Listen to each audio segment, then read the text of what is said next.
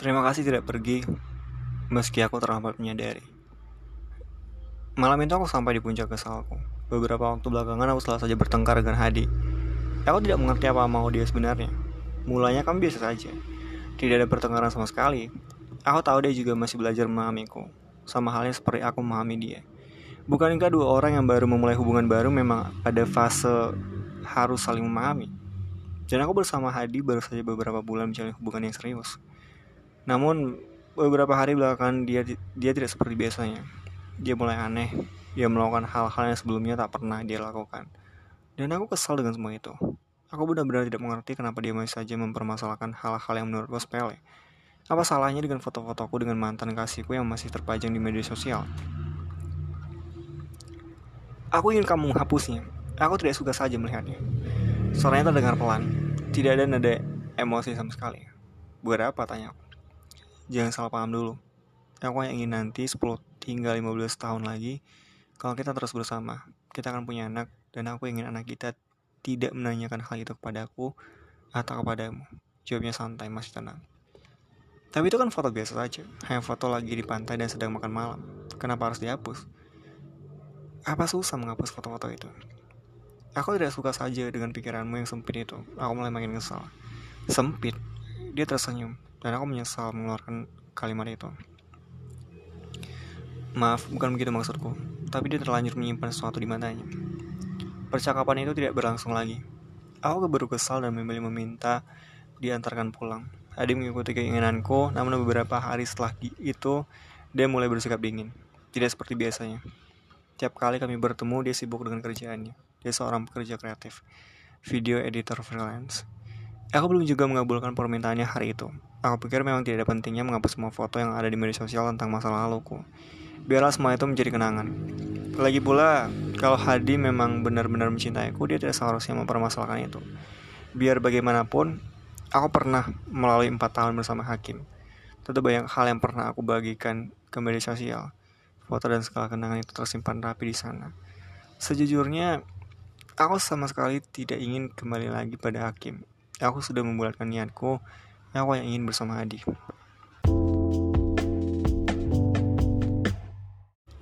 Hari itu kami bertemu di tempat biasa. Kami menghabiskan akhir pekan. Hadi terlihat lebih rapi dari biasanya. Rambut-rambut di dagu dan pipinya sudah dicukur bersih. Dia tidak membuka laptopnya waktu itu. Tumben memang, karena beberapa waktu lalu dia selalu sibuk dengan laptopnya. Hingga beberapa hari lalu aku protes. Kamu, kalau lagi sama aku jangan sibuk sama laptop mulu. Aku kan bete. Aku merajuk. Aku lagi kerja sayang. Ini, ini kerjaan harus aku selesaikan hari ini juga. Hari mencoba menjelaskan. Tapi kan kamu bisa kerjain nanti malam atau saat tidak bertemu denganku. Helen. 5 menit lagi ya. Aku hanya mengangguk. 5 menit setelah itu dia berhenti bekerja. Dan sejak itulah dia tidak pernah lagi melakukan hal yang tidak aku suka. Hingga pada pada malam kemarin, dia melakukan hal yang tidak aku sukai lagi. Dia kembali membahas foto-fotoku bersama Hakim yang berada di media sosialku. Aku boleh meminta satu hal padamu. Dia menatapku. Memangnya aku pernah melarangmu? Aku menjawab pertanyaan dengan pertanyaan. Kalau begitu aku ingin kamu benar-benar menghapus semua foto-fotomu bersama mantan kekasihmu di media sosial. Hadi, bukankah kita pernah membahas ini? Tapi kamu tidak mengabulkan permintaanku. Permintaan kamu tidak penting. Aku emosi kesal. Bagiku itu penting. Malam itu dia pergi dan meninggalkanku. Ini kesekian kalinya aku meminta kepadamu. Tapi kamu tidak mau memenuhinya. Aku tidak memaksamu melupakan apa pun. Aku hanya ingin kamu menghapus foto-foto itu di media sosial milikmu. Itu penting untuk hubungan kita. Untuk orang-orang yang mengenal kita nanti. Sebelum pergi ia sempat meluapkan apa yang ia pendam. Kalau memang foto-foto itu penting bagimu, kau harusnya dengan mudah menghapusnya. Aku tidak akan memaksamu lagi, ucapnya. Itu pertama kalinya dia marah dan langsung pergi dari sisiku. Sebelumnya dia bahkan tidak pernah mau menolak apa saja yang aku inginkan.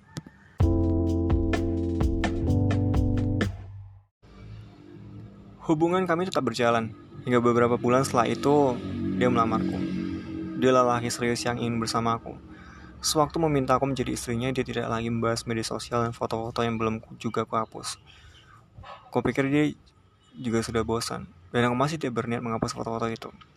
Hingga suatu malam, aku melihatnya tidak fokus bekerja. Dari belakang, aku melihat dia membuka Facebook, dan perempuan yang telah menjadi istrinya di media sosial yang dia miliki. Tapi masih memasang foto laki lain dari masa lalunya. Ada perasaan yang tiba-tiba memukulku. Betapa aku tidak pernah mengabulkan permintaan dia selama ini. Lelaki yang mendampingiku sepenuh hatinya, sepenuh hatinya.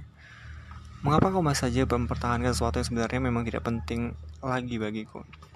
Awalnya aku berpikir, tidak ada yang salah dengan foto itu, yang penting hatiku kepadanya. Namun kenyataannya lain. Dengan adanya foto di media sosial itu, suamiku masih, bi masih bisa kembali menata masa lalu. Perempuan yang kini mengandung anaknya tapi masih betah membiarkan foto lelaki di masa lalu ada di ada di media sosial miliknya.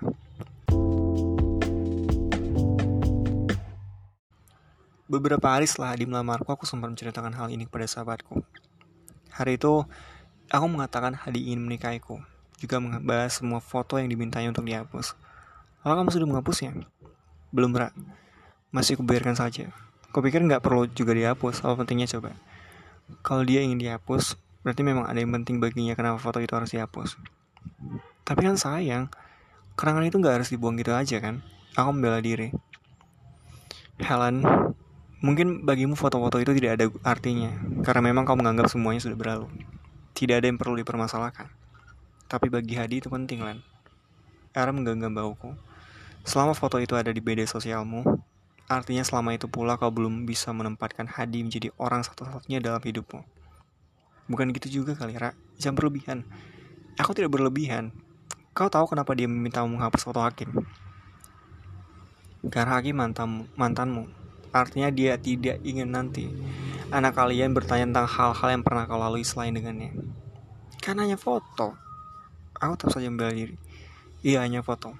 Tapi itu di media sosial. Kalau kamu tidak menghapusnya, dia tetap akan ada di sana. Sampai kapan pun. Ara menarik napas. Helen, cukup kamu saja menyimpan kenangan itu di kepalamu. Kalau memang tidak bisa kau lupakan, jangan hukum dia dengan terus menyiksakan menyaksikan apa saja yang kau lalui di masa lalu. Dia tidak seharusnya menerima itu. Dia sudah menerimamu dengan segala keadaanmu, tolong juga hargai dia dengan menghapus foto-fotomu bersama mantanmu itu. Ya sudah, nanti ku hapus. Ucapku agar berhenti menceramaiku. Ingat satu hal, meminta menghapus foto tidak sama dengan meminta kamu melupakan masa lalumu. Dia hanya ingin kamu menghargai apa yang kalian jalani hari ini dan ke depan. Lagian itu kan media sosial, semua orang bisa lihat. Harusnya kamu paham maksud Adi. Iya, gak usah cerewet lah. Kamu dibilangin malah ngeledek ya. Ingatan itu kembali ke kepalaku. Betapa selama ini Hadi masih saja sabar denganku bahkan seandainya dia ingin pergi sebelum menikahiku. Dia bisa saja meninggalkanku. Tapi kenapa dia tidak melakukannya? Aku natapmu yang terus menghadap komputer, lalu diam-diam kembali ke tempat tidur.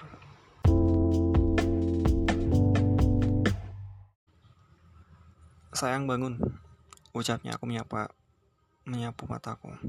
Sudah pagi. Aku sudah siapkan sarapan untukmu. Ayo cuci muka. Aku terdiam menatap matanya, tatapan itu masih saja seperti saat pertama kali dia mengatakan dia mencintaiku. Aku mencintaimu, ucapku sepenuh hati. Dia tersenyum, lalu mengucap lembut ke Niko. Ayo bangun, kita sarapan. Baik kita harus menjadi anak yang sehat. Hari ini aku akan ada pekerjaan di luar yang harus aku selesaikan. Setelah dia berangkat bekerja, aku membuka laptop dan membuka semua media sosial milikku. Aku tidak seharusnya membuat dia merasa tidak kujadikan seseorang paling penting dalam hidupku. Aku menghapus semua foto-foto yang ada di media sosialku. Foto-foto yang dulu pernah diminta Hadi untuk aku membersihkannya. Cukup yang tersimpan hanya fotoku dan dia. Jika foto-foto dengan anak-anak kami nanti, tidak ada gunanya menyimpan foto mantan kasih di media sosial ini. Aku sudah punya hidup yang baru. Harusnya sejak aku memilih Hadi sebagai seseorang yang percaya menjaga hatiku, Aku sudah menghapus semua foto bersama Hakim di masa lalu. Sebab Adi juga melakukan itu. Bahkan sebelum bersama aku, dia sudah menghapus semua foto bersama mantannya. Perempuan-perempuan yang sejujurnya membuatku cemburu. Tapi aku lupa pada perasaan yang membuat Hadi cemburu.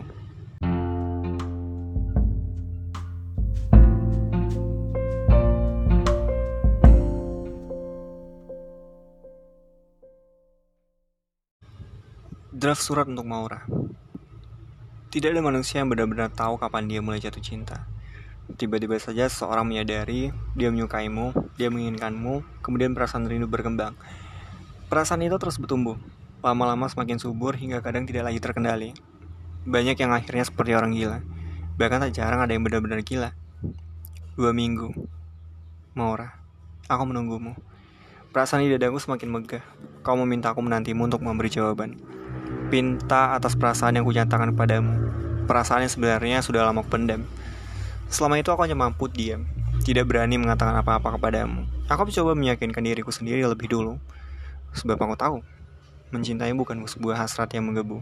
Namun nyatanya setelah aku kau membuat aku menunggu. Tidak masalah dengan apa yang kau pintakan. Aku mengerti terkadang seseorang memang butuh waktu lebih untuk memahami.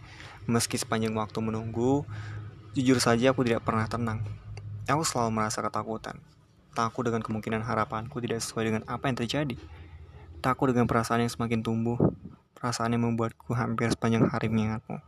Perasaan yang membuatku menerka-nerka banyak hal. Kau tahu, Mara? Setiap malam ketika hendak tidur, kau saja yang ada di kepalaku. Apakah semua orang yang sedang jatuh cinta seperti ini? Atau hanya aku saja mengalami hal begini?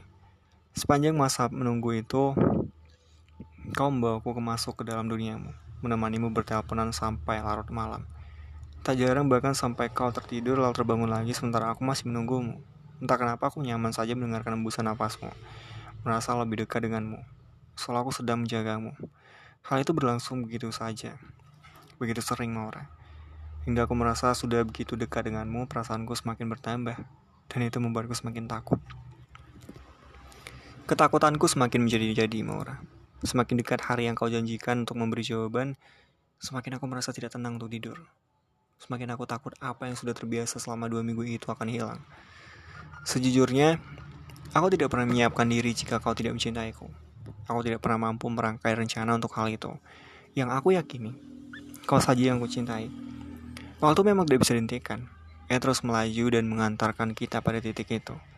Hari itu, Maura, aku masih ingat. Selasa. Sedari pagi aku semakin tidak karuan. Bahkan teman-temanku mulai bertanya tentang galauanku. Sungguh menunggu jawabanmu membuat hidupku semakin ketakutan. Aku benar-benar takut kehilangan itu datang. Aku takut kalau kau tidak pernah merasakan apa yang aku rasakan. Aku takut kalau saja kau tidak bersedia memberiku kesempatan. Maura, ternyata benar. Apa yang aku takutkan terjadi. Kau tidak memberiku kabar hari itu. Sepanjang hari aku menunggumu, Sepanjang hari itu pula hatiku seperti sedang dilempar dari satu dahan ke dahan lain. Lalu tersangkut di duri-duri dahan itu. Sakit? Tidak. Aku tidak merasakan sakit. Entah kenapa rasanya masih saja sama. Aku mencintaimu saja. Namun Maura, sejujurnya, aku kecewa kepadamu. Kau tidak pernah pada janjimu sepenuhnya. Kau hanya memberiku selembar kertas, seolah seperti itulah perasaanmu kepadaku, berbanding terbalik dengan apa yang aku rasakan. Perasaanku kepadamu semakin tumbuh, sedangkan kau mulai membuatnya rapuh. Ketakutan itu termasuk dadaku. Kau katakan kau ragu, kau takut, kau tidak ingin, kau tidak bisa denganku. Aku mencoba menerka, mencerna, memahami berkali-kali. Tidak ada yang salah dengan isi selembar kertas yang kau berikan. Nyatanya kau tidak bisa denganku. Lama aku menyandarkan diri di kursi ini, Maure. Menenangkan hatiku. Bagaimana mungkin kau tidak mencintaiku, sementara hampir setiap malam aku mulai terbiasa dengan hembusan napasmu. Aku semakin merasakan bahwa hanya kau saja yang menjadi hidupku. Sementara pada kenyataan hari itu, kau menamparku, memintaku sadar. Semuanya sudah berakhir. Sudah tidak ada yang harus aku perjuangkan. Kembalilah seperti biasa, seperti dulu, sebelum kau menyatakan cinta. Ucapanmu itu Maura tidak pernah benar-benar bisa mengembalikan semuanya seperti semula. Bagaimana mungkin aku yang sudah semakin mencintaimu, perasaan yang semakin subur ini bisa kembali begitu saja? Tidak semudah, tidak semudah itu, Maura. Kau mungkin tidak pernah tahu. Sepanjang malam beberapa hari setelah itu, aku bahkan memaksa temanku untuk menemaniku berkeliling kota. Beruntunglah dia mau kurepotkan. Aku mampir di warung makan tengah malam memesan makanan berharap semuanya baik-baik saja. Namun nyatanya semua itu tidak berpengaruh. Maura. Perasaan itu masih saja tetap sama. Aku masih saja merindukanmu. Hanya saja rindu kali ini tidak menenangkan lagi. Ada pedih dan sesak di dadaku. Cinta ternyata bisa menjadi sakit ini. Namun aku paham satu hal. Kalau tidak sakit, mungkin aku tidak cinta padamu. Mungkin ini kesalahanku. Aku tidak pernah benar-benar menyiapkan kemungkinan saat kau tidak membalas perasaan yang sama. Yang aku tahu, cinta harus memiliki. Dan sungguh aku ingin kau menjadi satu-satunya perempuan terpenting dalam hidupku. Dan nyatanya itu hanya inginku saja. Berhari-hari Maura, aku mencoba mengendalikan diri. Aku mencoba menyibukkan diriku dengan apa saja, berjalan ke mana saja. Aku bahkan lebih sering ke tepi laut, melebihi biasanya. Namun patah hati adalah patah hati. Perasaan itu tetap saja tidak bisa aku tenangkan. Hatiku masih saja untukmu. Bahkan ini bagian paling parah dari jatuh cinta. Saat aku masih ingin tetap bersamamu, sementara kau meminta aku segera menjauhimu. Bagaimana mungkin aku bisa menjauhi perempuan yang sepenuh hatiku menginginkannya? Aku menjadi lelaki paling cerewet, Maura. Aku butuh banyak, banyak teman bicara. Aku mulai merepotkan orang-orang hingga aku sadar satu hal. Aku yang patah hati biar aku saja gila. Aku tidak boleh mengajak orang lain dalam urusan ini. Sejak itu aku berusaha menahan diri hatiku sendiri, mencoba mengendalikan diri, membeda perasaan yang masih saja sama untukmu. Bukan patah hati yang akan membuat seseorang mati, namun cinta yang terlalu besar yang tak bisa ia kendalikan. Barangkali benar kata temanku. Bukan patah hati yang akan membuat seseorang mati, namun cinta yang terlalu besar yang tak bisa dikendalikan Barangkali benar kata temanku Bukan patah hati yang akan membuat seseorang mati Namun cinta yang terlalu besar yang tak bisa ia kendalikan Dia meminta aku mengendalikan perasaanku Beberapa hari setelah itu Maure Aku benar-benar memaksa diriku Aku juga tidak ingin kau merasa aku hanya pengganggu Sedangkan kau hanya lelaki yang jatuh hati padamu Aku memilih menahan diriku sendiri Aku tidak lagi mengejarmu menenangkan hatiku setiap kali aku merindukanmu. Aku tidak boleh menghubungimu lagi, sebab kau tidak lagi mengerti aku orang yang sedang jatuh cinta. Bagimu tidak lebih dari pengganggu belaka. Maura, semenjak hari itu, aku berusaha berdamai mengendalikan diriku. Aku menenangkan hatiku berkali-kali, menata semua yang sempat tidak terkendali. Aku ingin mencintaimu dengan cara yang berbeda, Maura. Mencoba berluas hati, Sebab yang aku percaya, cinta tidak akan pernah salah dalam menempatkan nama. Jika nanti kau memang untukku, selama apa pun waktu, sejauh apa pun kita berpisah, meski seandainya ada seseorang yang sedang kau sayangi selain aku saat ini, akhirnya kau akan denganku juga. Aku berhenti mengejarmu, bukan karena cintaku telah habis. Namun aku menyadari ada banyak hal diciptakan Tuhan di luar batas kemampuan manusia. Sekedar kau tahu, perasaanku masih saja untukmu masih sama seperti saat aku menyatakan cinta, masih ingin kau saja selamanya. Namun aku paham, ada galanya aku memang harus menyerahkan segalanya pada Tuhan, saatnya memintamu dengan iman. Biarlah perasaan tinggal di hati, biarlah ia menetap di sana. Sebab perasaan bukanlah sesuatu yang bisa diminta suka kita. Ia tumbuh dan jatuh begitu saja. Kadang tidak mau hilang.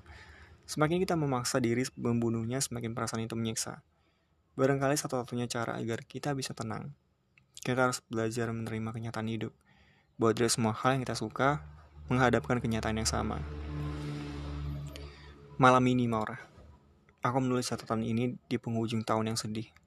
Kelak, jika suatu hari kau akan membacanya, aku hanya ingin satu hal. Denganku ataupun tidak, katakanlah kepada anak-anakmu kelak, bahwa ada satu lelaki yang begitu mencintaimu. Lelaki yang seumur hidupnya pernah ingin bersamamu.